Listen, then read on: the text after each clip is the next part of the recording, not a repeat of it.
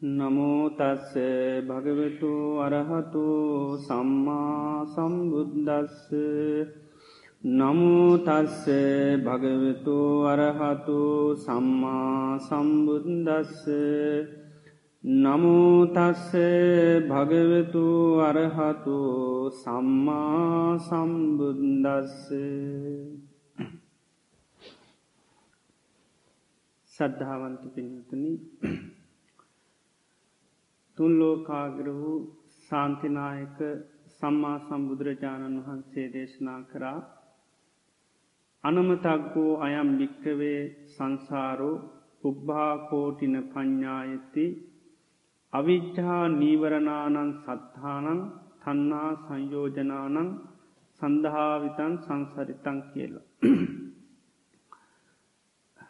මේ දීර්ඝ සංසාරය පිළිබඳව ඒ ස්වභාවේ දේශනා කරා සංසාරයේ ස්වභාවය තමයි කෙරවරක් පටන්ගත්තේ තනක් හොයාගන්න බැහැ කියල උන්වහන්සේ දේශනා කරන පුබ්බා කෝටින පඤ්ඥායති අවිද්‍යා නීවරණානන් සත්තානං. අවිද්‍යාවෙන් වැැහුණු. තන්හා සංයෝජනානං තන්හාාවෙන් බැඳිච්චි. මේ සසර සැරිසරණ මේ සත්වයන්ගේ පටන් ගැනීම ඒ වගේම මුල සොයාගන්න බැහැ කියලා බුදුරජාණන් වහන්සේ දේශනා කරනු. මේ සංසාරයේ කොතෙක් දේගද කියන එක උන්වහන්ස උපමාවකට දේශනා කරනවා. මහණනි යම්කිසි කෙනෙක් ඒ කාලේ මුළු ඉන්දියාවේම තියෙන කෝටු කෑලි ආදී දේවල් එකතු කරලා පොඩි පොඩි කෑලිවලට කඩනවා. කඩලා ඒ කෑලි එකක් එකක් ගාන තින මේ තමයි මගේ අම්මා. මේ අම්මගේ අම්ම. ඒ විදිහට කෝටු කෑලි තියාගෙන ගියත් මව් පරම්පරාව අවසංවෙන නෑ කෝටු කෑලිවරුණාට. ඒ තරමට දීර්ඝ කාලයක් මේ සංසාරය මේ අපේ ජීවිත පවතක දෙනවා. මව් පරම්පරාව අපිට හොයන්න බෑ කියනවා මුළු ඉන්දියාවේම කෝටු කෑලිටික එකතු කරලා ඒවා අර අංගලින් අඟලට කටලා ඒ විදිේ තියාගෙන ගියොත් හොයාගෙන යන්න බැහැකියෙන. ඒවගේම බුදුරජාණන් වහන්සේ දේශනා කරනවා මහපොළොවේ තියන පස් නෙල්ලි ගෙඩි තරං ගුලි කරනවා. ගොලි කරලා එකක් එකක් ගාන තියාගෙන මේ තමයි තාත්තා මේ තාත්තක තාත්තා ඒ විදිහට ඒ මහපොලොවම ගොලිකරපු පස් තියාගෙන ගියත් පිය පරම්පරාව හොයාගෙන යන්න බැහැකින. ඒ තරම් දීර්ඝ කාලයක් මේ සංසාරයේ අපේ ජීවිත පැවැතිගෙන ඇවිල්ලතියෙනවා. ඒවගේම සංසාරයේ ජීවත්වෙච්චි කාලවලදී මව්වරුන්ගේ කිරිබීල තියෙනොකින සතර මහා සාගරයේ ජලයට වැඩී. ඒවගේම බුදුරජාණන් වහන්සේ දේශනා කරනවා මව්පියන් මියගියාට පස්සේ ඒ හැඩූ කඳුළු සතර මහා සාගරයේ ජලයට වැඩිය අඩලතියනවා කියන.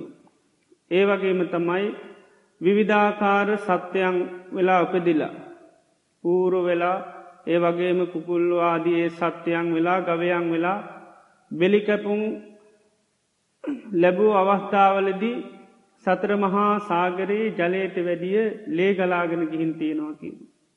මේ විදිහට මේ සංසාරයේ දීර්ගතම බව බුදුරජාණන් වහන්සේ දේශනා කළ තියෙනවා. අපි පොඩ්ඩක් නුවනින් විමසලා බැලුවොත් තමයි එහි තියෙන බැරහැරුම්කම හොඳට සල කළ බලන්න පුළුවන්. දැන් එක ජීවිතයක සමහල්ලාට අම්බි කෝපයක් තරංවත් අඩන්නේ නැහැ. ඒ වගේම සත්තු වෙලා බෙල්ල කැපුව සමහට පනිට්ුවත් තරංවත් ලේගලන්න නැහැ. නමුත් සත්‍ර මහා සාගරයේ ජලය පරද්දවන්ඩ ඒ විදිහේ ලේ ගලන්න නං ඉපදුණු වාර මෙතකයි කියල කියන්න පුළුවන්කමක් නෑ. ඒ තරම්ම ඉපදිල තියෙනවා. ඒ නිසා ඒ විදිහට නුවනින් කල්පනාකරොත්තම ඒක තියෙන දරුණුකම භයානක්කම අපිට අවබෝධ කරගන්න පුළුවන්කම ලැබෙන්. නිතරම බුදුරජාණන් වහන්සේ ධර්මය තියෙන්නේ දතානන් දම්මානං අත්ලූප පරික්කති. ඉගෙන ගත්ත දරාගත්ත ධර්මි අර්ථ විමසන්ද කියනවා. අත්වූප පරික්කත්තිය සති දම්මානන් නිජ්්‍යානක් කමන්ති. අර්ථ විමසුවොත් තමයි ධර්මය වැටහෙන්නේ. ධම්ම නිජ්්‍යානක් කන්තිය සති චන්දෝ ජායති ධර්මය වැටහෙනකොට තමයි බලගතු චන්දයක් ඇතිවෙන්නේ. චන්දෝ ජාතු උත්සහති චන්දය ඇතු නාම තමයි උත්සාහවත් වෙන්නේ. ඉති මේ සංසාරයේ තියෙන දරුණුකම භයානක්කම අපිට අවබෝධ කරගන්නේ පිළිබඳු අපි නැවත නැවත සිහිපත් කරගන්න ඕන. එතකොට තමයි කොච්චර කාලයක් කොච්චර වාර අපි ඉපදිල තියෙනවාද කියනක අපිට අවබෝධ කරගන්න පුළුවන්කම ලැබෙන. ඉති ඒ වගේ එක ජීවිතයක් දෙකක් නොවේ කල්ප ගනන් සංසාරය ඒ විදියට විවිධ ජීවිත කරා ගිහිල්ල දුක්විඳල තියෙනවා. උන්වහන්සේ දේශනා කරනවා මේ කල්පය කියන එක ඉතාමත්ම දීර්ඝ කාලයක් උපමාවකට උන්වහන්සේ දේශනා කරන උපමාකින්වත් කියන්න බෑ උපමාවක් පෙන්නනවා මේ යොදුනක් උස පලල පෙට්ටියකට මේ අබෑට දානවා.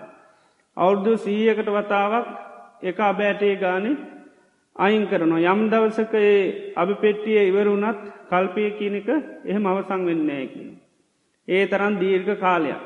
දවසගානේ මේ අපි කෝප්ප කරදාය අබ ටිකක් අයින් කරත් ඒත් කාලයක් යනවා අවසං කරගන්න. දැන් අවුරුදු සීයකට එක්වතාවයි. ඒවගේම පෙන්න්නන ගන පරුවතයක්. යොදුනු යොදාසයක් උස පලල මේ ගන පරුවතයක් රෙදිකෑල්ලකින් පිහිදාන අවුරුදුකු සීයකට වතාව. එතොට ඒ පරුවතය යම්දවස ගෙවිල ගියත් කල්පය කියන එක ඒ විදිහේ ගෙවෙන්නෑ කියන. ඒ තරම් මේ කල්පය කියනක ඉතාමත්ම දීර්ක කාලයක්. තේවා පිළිබඳව විමසීමක් කරනකොට තමයි ඒක තියෙන දීර්ග බව අපිට වැටහෙන්නේ. සාමාන්‍යෙන් කියනකොට සාමාන්‍ය දෙයක් වගේ. නමුත් අර්ථ විමසුවොත් එකින් එක අපි හිතල බැලුවොත් අන්න ඉතාමත්ම මේ දීර්ඝ කාලයක් තින් දවසක් බුදුරජාණන් වහන්සේ ළඟට ආපු බ්‍රාක්්මණය කහනවා අපි අතීතය ඕවගේ කල්ප කොච්චර ගෙවල දාලාතිීනවද කියලා. බුදුරජාණන් වහන්ස කෙන මේ ඒවා මේ සංඛ්‍යා වසයෙන් ගණන් වසයෙන් ප්‍රමාණයක් කියන්න බෑ මේ කල්පසීයත් දෙසීයත් තුන්සියක් මේ ගෙවලතිීනවා කියලා. තුන්වහන්සිකිවා මේ උපමාවක් හැටියට කියනවනම් මේ ගඟක පටන්ගත්තේ ද තැන ඉදලා. මහමුහෝද දක්වා තියෙන වැලි ප්‍රමාණය කියන්න පුළුවන්ද කිලෙහුව ගනන් වසේ. ගඟක් පටන්ගන්න තැන ඉදලා මුහද දක්වා තියෙනය ගගේ වැලි ප්‍රමාණය සංඛ්‍යාවසයෙන් කෙනෙකුට කියන්න පුළුවන්ද සංඛ්‍යාවසයෙන් කියන්න බැහැ මෙච්චර වැලි ප්‍රමාණයක් තියෙනවා. ආන්න ඒ වගේ කියනවා මේ ගෙවාගනාපු සංසාරය අපි ගෙව්පු කල්ප සංඛ්‍යාවසයෙන් කියන්න බෑ කියන මෙච්චර කල්ප ගානක් ගෙවුණ කියලා. ඒ තරම්ම දීර්ඝ කාලයක් අපි සංසාරය ඉපදී මැරි මැරි ඇවිල්ලතිනවා. ඉති ඒ කාල පරිච්චේදය තුළ උන්වහන්සේ දේශනා කරනවා. හරියට මේ උඩට දැම්ම ලීයක් වගේ කියනවා. සමහල්ලාට ලීය දැම්මම කෙලින් වැටන සමහ ටරාඩ ඒ වගේ තමයි මිනිස් ජීවිතයෙන් තිරසන් ජීවිත කරා ප්‍රේතලෝක අපාය කරා දිව්‍යලෝක කරා ඒ විදිේ විවිධ විදිහේ ජීවිත කරා තමයි යන්. ඇති ඒ නිසා බුදුරජාණන් වහන්සේ දේශනා කරනවා මේ යංකිසි අවස්ථාවක අපිට දකින්න ලැබෙනවානං ඉතාමත්ම දුගට අසරණ තත්ත්වයට පත්වුණු මනුස්සේ. ඒ දැක්කහාම කියන නිට්ට මේ තන් ගත්තම් පං ඒකාන්ත වසයෙන් හිතන්ඩිකින මමත් මේ දීර්ඝ සංසාරය මේ පුද්ගලය ඇවිදිර දුක මමත් වින්දා කියලා ඒකාන්ත වසයෙන් යන්නකින සැක හිතන්ඩ පයි කියල. මේ දුකනම් විදල නෑ කියලා හිතන් නිපාකිනවා මේ දුකත් ඉන්ද කියලා ඒකාන්ත වසයෙන් හිතන්න කියන. ඒවගේ බුදුරන් වහන්සකිනවා සැපක් විඳන පුද්ජලේ දැක්කත් ඒත් හිතනක මත් මේ විදිහ ජීවිත ගත කරපු කෙනෙ. මේ විදිහට අහවල් දුකවින්දේ නෑ කියල අපි කාටුවත් කියන්න බෑ. ඒ තරමට සංසාරය දුක් විඳල තියෙනවා. සමහර කාල්වලද අපි අපාය ඉඳල් උපදිලා අනන්ත අප්‍රමාණ දුක්විඳිනවා. නිරසත්තු වෙලා ඉපදිලා තමන්කරපු අකුසල පාක වසයෙන් සමාට මුළු ශරීරයම ඇට දක්වා ගිනි අරගෙන පීඩා විඳමින් දුක් විඳිනවා. ඒවගේම අපායේ තියනේ විවිධ දුක්ක පීඩාවන්ට මූුණ පාමින් අනන්ත අප්‍රමාණ දුක්කිදිනවා. අපා ඉපදුනා බුදුරන් වන්ස කැනච්ච පස්සා අතනික දුක්ක කියලා. ආයතන හයෙම්ම දුක්විනින්ට තියෙන්නේ. එක ආයතනයක් පස් කින්වත් සහනයක් ලැබෙන්නේ. මේ ඉන්ද්‍රියන් ඔක්කෝගෙම්ම බලන්න අහන්ඩ දකිින් ඔකෝම තියෙන්නේ දුක විඳින දේවල්. ඒ විදිහට මේ සංසාරයේ බොහෝ කාලයක් අපායි දුක්විඳිලා තියෙනවා. ඒවගේම තමයි තිරිසං ආත්මලට පත්වෙලා අනන්ත අප්‍රමාණ දුක්විඳල තියෙනවා. තිරිසං සත්තු වනහාම බිය කියන එක උපරිම තියෙන ජීවිතය ඇත්තමයි තිරිසං ජීවිතය කොයි වෙලේ තමන්ගේ ජීවිතයේ තවත් කෙනෙකුගේ ගොදුරුකට ලක්වෙයිද කියන බය තිරිසං සත්තුන්ට තියෙනවා. ඊට පස්සේ නිතරම බලගතු සත්‍යයන් පන්නනුව නිතරම ඒ අය ග්‍රහණය කරගන්න ඉති ඒ සඳහා කොච්චර සමහරෙන් බේරෙන්ට දිව්වත් ගැලවෙන්ට විදිහක් නෑ සමහරලාට පණපිටීම තමයි ශරීරය කෑලි කරල අනුභව කරන්න. ඉති ඒ වගේම පණපිටීම තමයි සමහරට ගිලින්නේ. දේවෙලා ඒ අවස්ථාවලදී අනන්ත අප්‍රමාණ දුක්විඳින්ට වෙනවා. ඒවගේම තමයි ජීවිතයේ විවිධ තත්ත්වයන්ට තිරසංගත සත්‍යයම් පත්වනහම් පිහිට වෙන්න පිළිසරණ වෙන්න කෑගහල කියන්න කතා කරලා කියන්න කවුරුත් නෑ. ඒ විදිහට දුක්විඳින්න සිද්ධ වෙනවා. ඒ වගේම ප්‍රේතවල ලෝකවල ඉපදිච්චිදා කාලවදී සාපිපාශ දුකින් තමයි හිතරම ජීවත්තෙන්. සමහර වෙලාට සෙම්සොට්ටු තරන් දෙයක්වත් සමහරලාට ආහාරයට හොයා ගන්න හම්බියෙන්නේ. ඒ තරම්ම දුක්හිත ජීවිත ගත කරන්නවා. සමහරයගේ ශරීර ගිනිගන්න. මේ තමන්කරපු අකුසල් වලින් ශරීරයේ ගිනි අරගෙන තමයි මුළු අවස්ථාවම තියෙන්නේ. දවසක් බුදුරජාණන් වහන්සේ දේශනා කරනවා මේ අහසෙන් යනවා පිරිසක්. ඒ අයගේ ඇඳගෙනින් ඇඳු ඒවගේම දරාගෙනන්න පාත්‍රොක්කෝම ගිරිගන්න. ඒ අය කාශප බුදුරජාණන් වහන්සේ ශාසනය වැරදිදිහට පැවිදි ජීවිත ගත කරපු අය. තිං අඳගෙනන්න සිවරුත් ගිනි ගන්නවා පාත්තරත් ගිනි ගන්නවා මුළු ශරීරේම ගින්නෙන් දැවෙනවා ඉතින් එහෙට මෙහිට කෑගගහ දුවනවා. ඒ විදිහේ ප්‍රේතලෝකවල ඉපදිලා අනන්ත අප්‍රමාණ දුක්කිඳිනවා.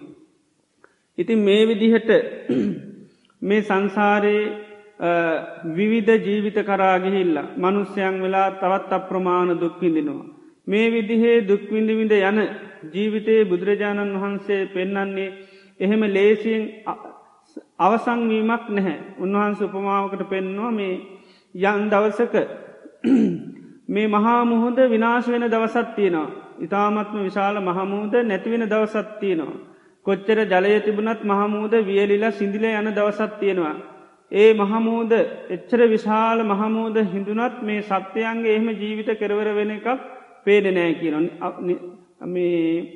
ඒ වගේම මහාමේරු පරුවතය යම්කිසි දවසක ගිනි ගන්න. ගිනි අරගෙන මහාමේරු පරුවතයත් විනාශ වෙන දවසත්තියන. නමුත් මේ අවිද්‍යහාාවෙන් තන්නහාාවෙන් යුත්ත මේ සත්‍යයන්ගේ ජීවිත එහෙම කෙරවර වෙන්නෑ කියනවා.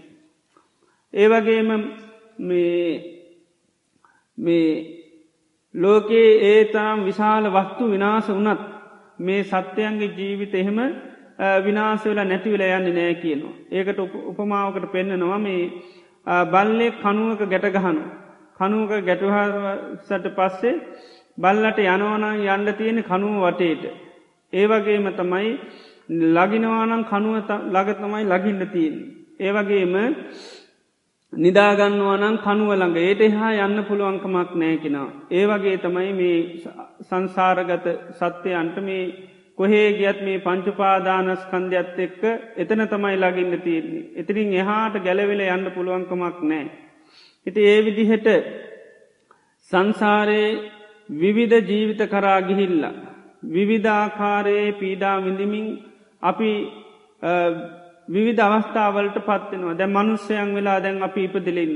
දැ මේ මනුස්ස ජීවිතයට පැමිණියට පස්සේ ඒත් අර අපි සංසාරය විඳපු දුකතමයි ආයමත් විඳින්න පටන් ගන්න. කුඩා කාලේඉඳල අපි ඉගෙන ගන්නවා ඒ හැම එකක්ම අපි සිහි කළ බැලුවොත් හැම එකකින් අපේ ජීවිතයට පීඩාවත්තියෙන්. ඒවගේ අපි ජරාවට පත්වෙනවා. ලෙඩ වෙනවා. සෝක පරිදේව දුක්දුම්න්නස් වලට ලක්වෙනවා. මේ හැම දෙයක්ම එකින් එක විග්‍රහා කරලා බැලුවතේ හැම තැනදීම අපිට පුදුම අප්‍රමාණ දුක්කිඳිනවා. ඒවගේ අපි ඉන්න සමාජයේ දිහා බැලුවහාම මිනිස්සු මේ ජරාවට පත්වෙලා අප්‍රමාණ දුක්කිඳිනෝ. සමහරය තමන්ගේම මළමුත්‍ර ගොඩේ තැවරිල්ලා ඒවාවල සමහරලාට අවුරුදු ගණන් දුක්කිඳිනවා. ඒවගේම විවිධ රෝගවලට පත්වෙලා අප්‍රමාණ දුක්කිදින සමහරයගේ ශරීරයේ කෑලි තමන් ඉන්නකොටම එකින් එක අයින් කරන්න වෙනවා. සමහරයගේ ශරීරයේ දිය වෙලා යනවා. සමහරයට විශාල පිළිකෑවෙලා මුණු මූුණම සමහරලාට වෙහිල්ල යනවා. අපි ස්පිරිතාලෙකට ගිහිල්ල බැලුවොත් ඒ විදිේ අනන්ත අප්‍රමාණ දුක්විදින සත්‍යයන් අපිට දකින්න ලැබෙනවා. ඒ වගේ තමයි ඒ විදිේ කායික වගේ මානසික දුක් මානසික දුක් මනුස්්‍යයන්ට ඇතිවෙනේවා අපිට පොත්තර ලියන්ඩ පුළුවන්කමක්න පොතක් මහපොලොව තරම් පොතක් ගත්තොත් එහෙම ලියන්ඩත් විස්තරතින මානසික වින්ද දුක් ඕනම කෙනෙක ජීවිතේ එපා වෙච්චි වාර අනන්තයි අප්‍රමාණ. අහවල් කෙනා හඬල නෑ කියලා කම්පා වෙලා නෑ කියලා සැලිල නෑ කියල අපිට කියන්න බැහැ. අහවල් කෙනා විතරයි බොහොම සන්තෝෂෙන් හැමදාම ඉඳල තීරණි කියලා. කිසි හිතේ පීඩාවත් දුකක් ඇතිවල නැති අහවල් කෙනාට කියල අපි කාටවත් කියන්න බෑ. ඒ තරමට හැම කෙනෙක්ම මානසික වසයෙන් පුදුමාකාර පීඩා දුක්විඳල තියෙනවා. ඒ මානසික පීඩා දරාගන්න බැරුව විශාල වසයෙන් මිනිස්සු දිවිනසාගන්න. ඒ වගේම දවස ගාන ගත්තොත්තේම ලෝක පුරාම දිවිනසා ගන්න ඒ මාංසික පීඩා මිනිසුන්ට දරාගන්න පුළුවන්කමක් නැහැ. ඒ තරමට මාන්සික වසයෙන් පුදුම පීඩා විඳිනු. ඒ වගේම මේ අපේ ජීවිත ගත්තත් අපි ආපස්සට හැරල බැලුවොත් අපිත් මානසිකව අනන්ත අප්‍රමාණ දුක්කිඳල තියෙනවා. අහව මේ මෙතන ඉන්න කිසි කෙනෙක් හඬපු නැති කෙනෙක් අපිට හොයාගන්න බැහැමෝම අපි කඳුරු හල්ලතින හැමෝගේම ජීවිත අපිට සමහල්ලාට අනන්ත එපා වෙච්චි වාරවල තියනවා. ඉති මේ විදිහට මේ සංසාරයේ පුරහාම බුදුරජාණන් වහන්සේ දේශනා කරන්නේ අපි විවිධාකාර මේ ජරාව මරණ සෝක පරිදේව දුක්දුම්නස්සාදී අනන්ත දුකකට මූුණ පාමින්තමයි සංසාරය අපි සැරිසරාගෙන එන්නේ. ඉතින් මේ ජීවිතයේ දුකට පත්වනහම අපි විපාක දෙහකට මූුණ පත්වෙන. දුකේ තියෙන ස්වභාවය තමයි. පළවෙනි එක තමයි සම්මෝහ වේපක්ක. අපි මුලාවට පත්වෙන. දැන් ඕනම වෙලාක දුකක්කාවහම අපි කිය නනේ මම් මොකක්ද කරන්නේ කියලා මට තේරෙන්නේ කියල තමයි අපි කවුරුත් කියන්න. ජීවිතයට පශ්නයක් කහප මට මොකක්ද මේකට ගන්න විසඳම තේරෙන්න හැ කියල කියන. ඉතින් දුකේ ස්වභාව තමයි සම්මෝහ වේපක් මුලා වෙනවා. පරියේටික වේපක්ක කියන්න ඊට පස්සේ දුකෙන් නිදහස්වෙන්න ක්‍රම හොයෙන. ඒක තමයි සාමාන්‍ය මේ දුකේ තියෙන ස්වභාවේ. මුලාවට පත්වෙනවා ඊට පස්සේ ඒකෙන් පිළිසරණක් හොයාගන්න. ඉතිං මේ දැම් මේ දුකගත්තහම ලෝකයේ බොහෝ දෙනා මේක දුක හටගන්න කොහොමද කියලා දන්න හේතුව තමයි දුකර මුලාවට පත්වෙන දුක හටගත්තා මේ නිසා ඒකට නිසි විසඳුමක් හොයාගන්න පුළුවන්කමක් නෑ. දැම් බුදුරජාණන් වහන්සේගේ වැඩ හිටිය කාලේ ඒ කාලේ හිටිය අයත් මේ දුක සම්බන්ධ විවේද මත ප්‍රකාශ කර. සමහරයකිවේ මේ දුක කියන්නේ පුබ්බ කත හේතු. පෙර කර්ම නිසා තමයි මේ මිනිස්සු දුක්කි ඉන්න කියලා. දැන්නට නිගන්ටනාත පුද්ද එහෙම කියන මේ පෙර කර්ම නිසා.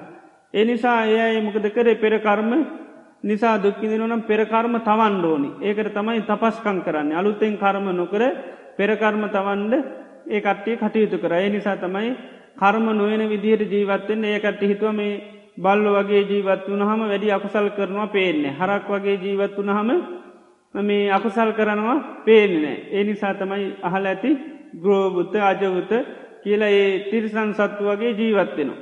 ඒමක දර අලුතෙන් කර්ම නොවී පෙරකර්ම ටික තවලදාන තපස්කං කරපුහම පෙරකර්ම තැවනවා අලුතෙන් කර්ම කරන්න. ඊළඟට කයට විවිධාකාර පීඩා දුන්න. කයට දුක්දුන්නහම කයට පීඩා ඇති කරපු හම අන්න මේ දුක හටගන්නෑ කියලා. ඒ විදිහට එයා හිතුව මේ පෙර කර්ම නිසා තමයි මිනිස්සු දුක්කිනින්න කිය. ඊළඟට තවකොට සක්කිව්වා ඉස්සර නිම්මාන හේතු මේ ලෝකයේ මැවුම් කාරයක්කින්නවා. ඒ ඒ මැවුන්කාරයට ඕනිදියට තමයි මේ ලෝකෙ මවලතියෙන්. එනිසා මේ සත්‍යය දුක්විනින්නේ මැවුන්කාරයකුගේ කැමැත් ඇනුව. එනිසා ඒ මැවුන්කාරය සතුරු කරන්න ඉතින් එයාට විවිධාකාර බිලි පූජා කරන්න ඕනි. යාඥා කරන්න ඕනි තෝට එයා සතුට වෙලා අන්න මිනිසුන්ගේ දුක් නැති කරනවා කියලා. ඒ විදිහ මතයක් ඒ කාලි තිබුණ. තවත් සමහරයකිව්වා අහේතු අපපච්චයා. හේතුවක් නෑ සාමාන්‍යයෙන් සිද්ධ වෙන දෙයක් මේ දුක්විඳින කියන එක කිවේ නිසායකින් ගැලවෙන්න විදිහක් නෑ මේ සාමාන්‍යින් තියෙන දෙයක් හැටියට. ඒවගේම තව සමහරයගේ මත තිබුණ බුදුරන් වහන්සේගෙන් ඇවිල්ලත් අහලතිනවා සයන් කතන් දුක්කන් දුක තමන් කරපය කද්ද කියලා. තමාද මේ දුක කරගත්ත කියලා. ඇත්තටම අපි කරගත්ත දෙයන්න අපිට ඕනු වෙලාවක අයින් කරගන්න පුළුව. අපි කරගත්ත දුකන්නන් දැම්මට දුක්පින් ඇති කියලා අපිට අයින් කරලා දාන්න පුළුව. එහෙම කරන්න පුළුවන්කමක් නෑ අපි කරපු තමා කරා කියන එකක් නැහැ. ඊළඟට පරංකතන් අනුන් කරපු දෙයක් ලෝක නිර්මාපක දෙවිය කරපු දෙයක්ද. එහෙම නොත් එයාට බාර දෙන්න පුළුවන් හොයාගෙන ගිහිල්ල එහෙම කරන්න පුළුවන්කමකුත් නැහැ. ඊළඟට මේ ඇහවා මේ අහේතු අපච්චය හේතු අප්‍රත්තියක් නැතුවද ඉබේ හටගන්න කක්ද කියලෙව. බුදුරජාන් වහන්සේ තවටකුව එහෙමත් නෑ ඉබේ හටගත්තෙකුත් නෙවේ මේක. ඒ විදිහට මේ දුක සම්බන්ධව ගත්තහම ඒ කාල විවිධාකාර මතිමතාන්තර ලෝක තිබ්බ. අද කාලෙ වනත් මිනිස්සු දුක් හටගත්තහම විවිධාකාර පිළිසරණවල් සොයාන යනවා. විවිධාකාර දේවල් හොයාගෙන යනවා දුකින් නිදහස් වෙන්න. නමුත් ඒක ලේසියෙන් අපි හිතන තරමට මිනිස්සුන්ට ඒ දුක නැති කරගන්න පුළුවන්කමක් නෑ. සමහරලාට ගහ දෝස නිසා මිනිස් හිතනව දුක්කිදිනවා ලිතින් ග්‍රහ පූජා කරනවා ගහ යන් සතුරු කරන්න. ඒක නිදහස් වෙන්ඩ ඒත් පුළුවන්කමක් නෑ. දැන් සමහරල්ලාට යම් යම් පස්නවලට පොඩිපොඩි විසිඳුන් තියෙනවා. නමුත් සම්පූර්ණ පස්සට විසිඳුම ලේසින් ලෝක සත්‍යයාට හොයාගන්න පුළුවන්කමක් නෑ. බුදුරජාණන් වහන්සේ තමයි මේ දුක කියන පස්නේ හේතුව උන්වහන්සේ තමයි අවබෝධ කරගත්තේ. උන්වහන්සේ අවබෝධ කරගන අපිට දේශනා කරා දුකක් හටගන්නකොට ඇයි මේ දුක හටගන්නේ කොහොමද මේ දුක හටගන්න කියනක අවබෝධ කරගන්න. සාමාන්‍යයෙන් ගත්තත් අපේ මානසිකත්වය කියන්න තියෙන මේ දුක පිළිබඳ දුකයින් කරන්න කියලා. නමුත් බුදුරජාණන් වහන්සේ දේශනා කරන්නේ දුක කියන එක පරිින්්ඥයන් අවබෝධ කරගත යුතු දෙයක්.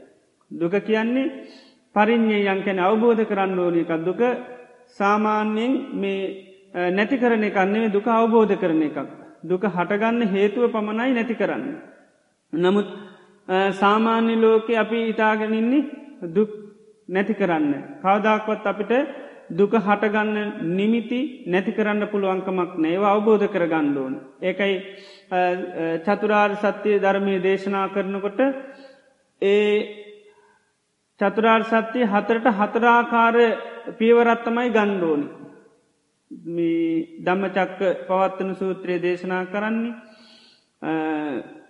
දුක්කාරි සත්‍යයට කළේතුයේ තමයි දුක්කම් පරිින්්ඥේ යන් දුක අවබෝධ කර ගණ්ඩුවන්.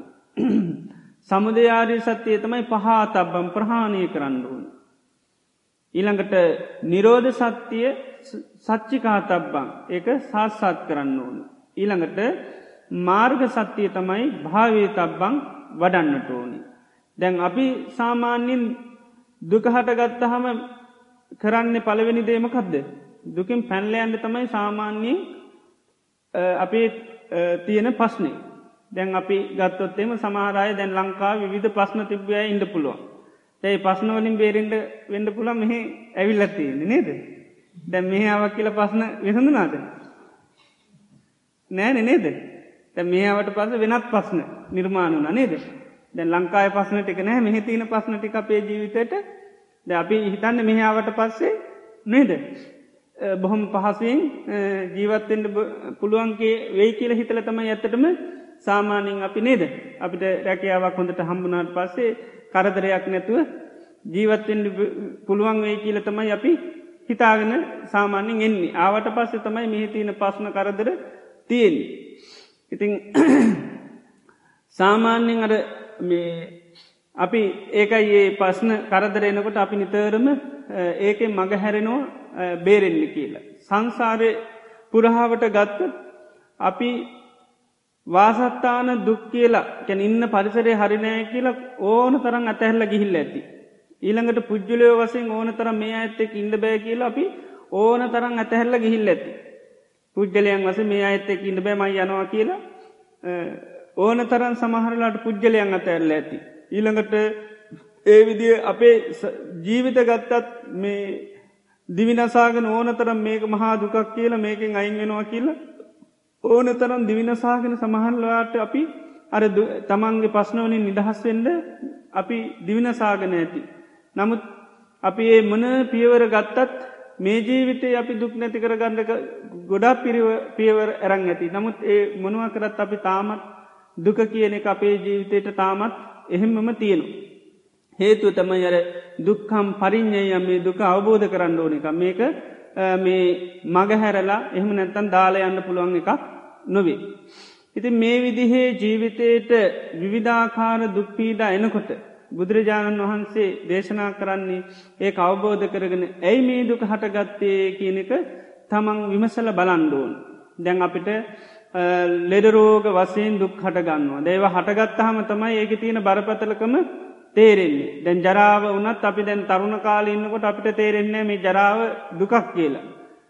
ටික ටික වයසට යනකොට තමයි ඒක තේරෙන්නේ. ඒක තියෙන පීඩාව බරපතලකම තේරෙන දැන් හොඳට බණ ලෙඩක් හැදුනහම තමයි ව්‍යාධි කොච්චර අපේ ජීවිතය යට කරන පස්්නයක්ද කියලා. දැන් සාමාන්‍යයෙන් එන්නකොට තේරෙන්නේ. ලෙඩක් හැදුනහම තමයි තමන්ගේ තියෙන භාවනාවත් යට කරගෙන අවබෝධත් යට කරගන්න නේද. ඒ තරමට ඒක අපේ ජීවිතේ මැඩලන්ඩ තරම් හරි බල සම්පන්නයි. ඉති ඒ නිසා ඒ වගේ දුක්කරදර පීඩ ආපුහම අපිට ටක්ගාල සිහපිට අන්ඩුනි ඇයි මේ දුක හටගත්ති කියලා. දැන් ගොඩාක් අය හොඳට පින් දහම් කරලා හොඳ ජීවිත කත කරන තෝට දරුණු පස්නවලට මුහුණ දෙනවා. එතෝට ලංකාය වන තැවිල්ලාන්න ඇයි අපි මෙච්චර කරනු අපිට මෙහෙම වෙන්න කියලා.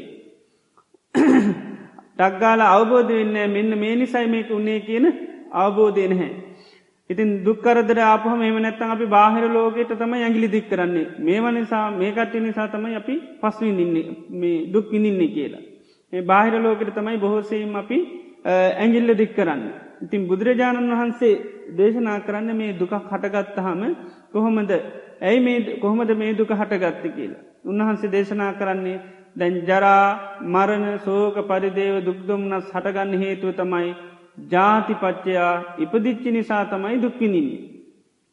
එතකොට ජීවිතයට ඒ විදිහේ ජරාමරණ සෝක පරිදේව දුක්දුම්නස් වසයෙන් අපිට හැමෝටම දුක්විඳන්න සිද්ධ වෙනු.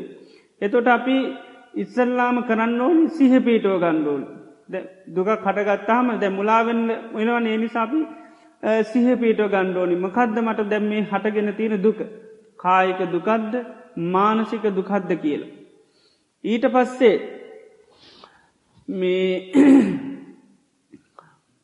සිහ පීටවාගෙන බලන්ඩෝනි ඇයි මේ දුකමට හටගත්තේ දැන් සිහ පිටුව ගත්ත එක කායක දුකද මානසික දුකක්ද කියල තමන්ට හඳුන ගන්න පුළ මේක හෙන මානසික දුකක්ෙම නැත්තන් කාය දුකක් ඇයි මේ කායක දුක හටගත්තේ එතකොට අන්න තමන් වුවනි විමසන්ඩ මේ ඉපදීම නිසයි මම මේ දුක හටගත්තේ. ජාතිපච්චයා ඉපදීම මුල් කරගෙන තමයි ජරාමරණ සෝක පරිදේව දුක්කදෝ මනසුපායාසා සම්භවන්ති.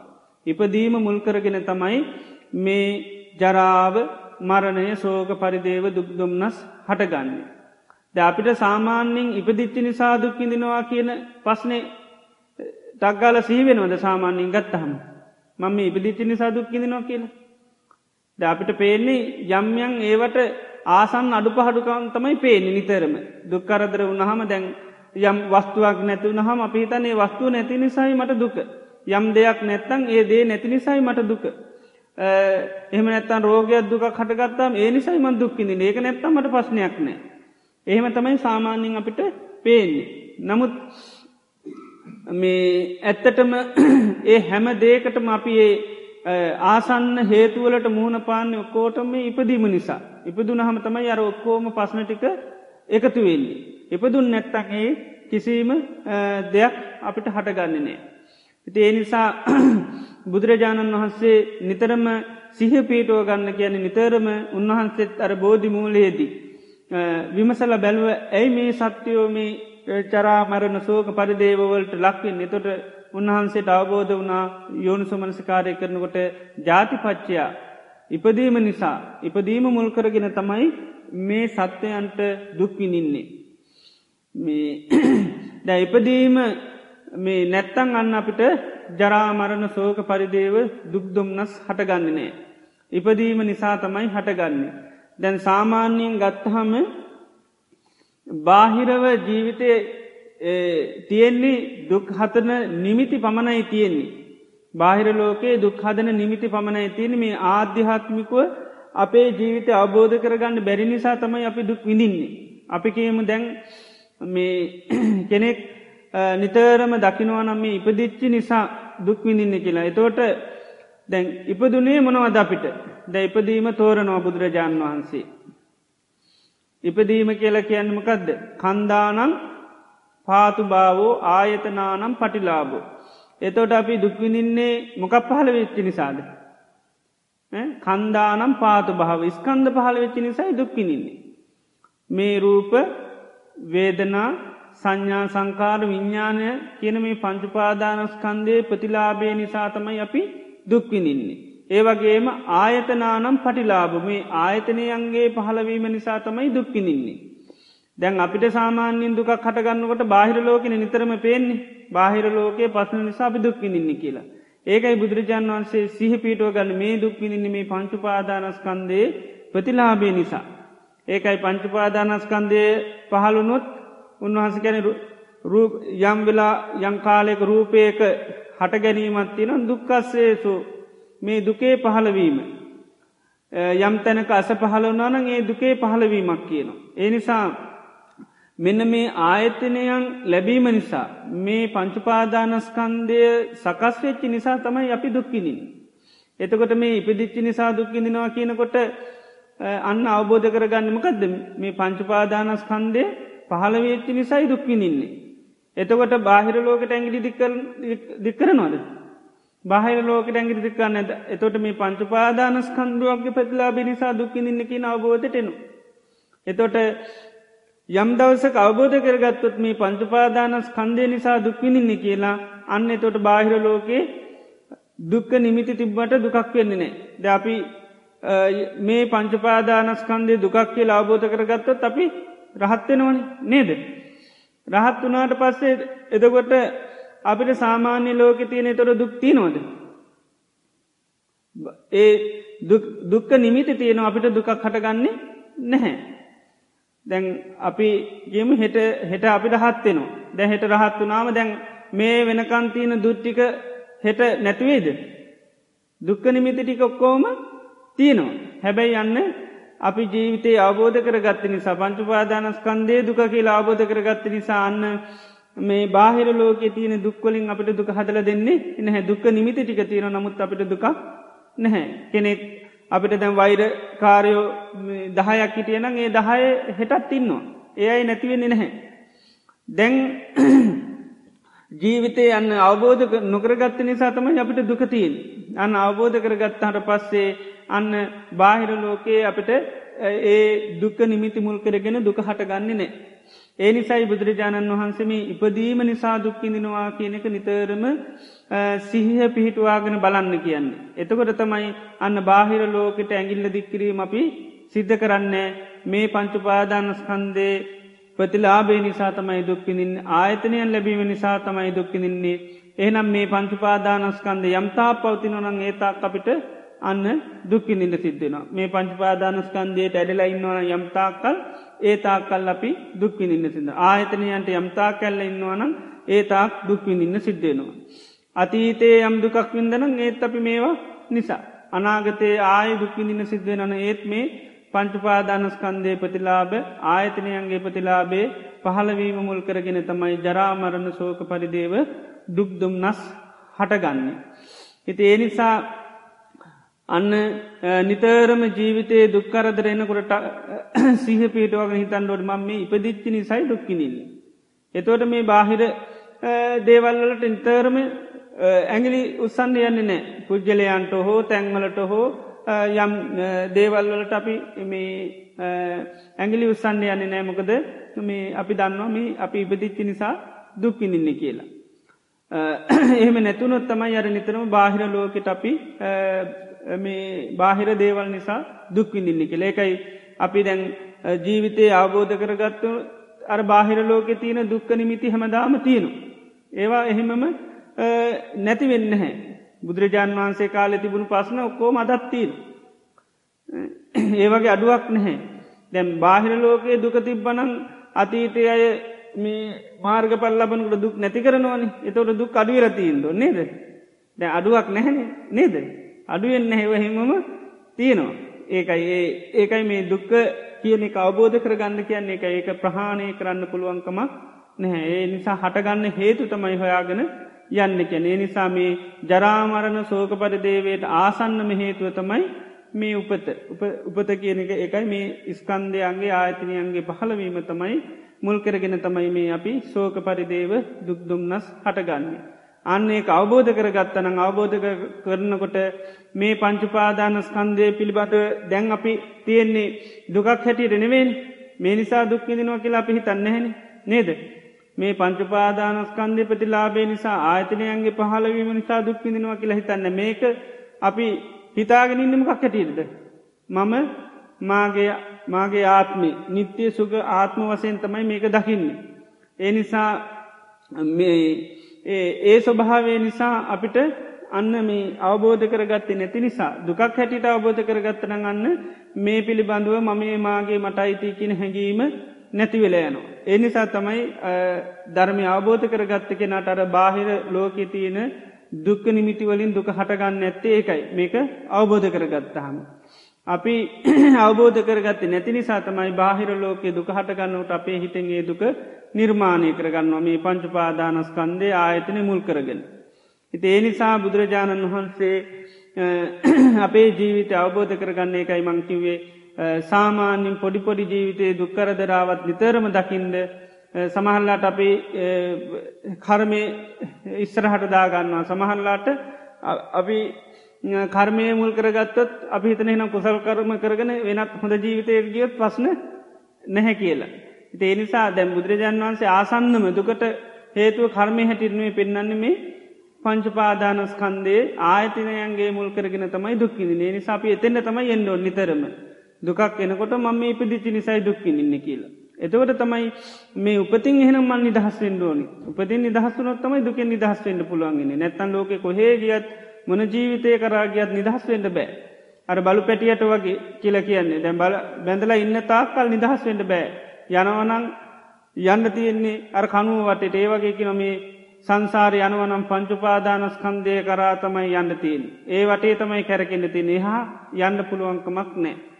එනිසා දුකක් පීඩාවක් ජීවිතයට එනකොට සිහ පීටුව ගන්න පිහිටුව ගන්න මේක කායික දුකද්ද මානසික දුකද්ද ඊට පස්සේ තේරුණා මේක කායික දුකක් එහම නැත්තම් මානසික දුක ඊට පස්සේ ඇයිමට මේ දුක හටගත්ත? ඊට පස්සේ දකින්න මේ ඉපදීම නිසා ඉපදීම මුල් කරගෙනයි මම ඉපදින. මොකක්ද මේ ඉපදීම කියන්නේ?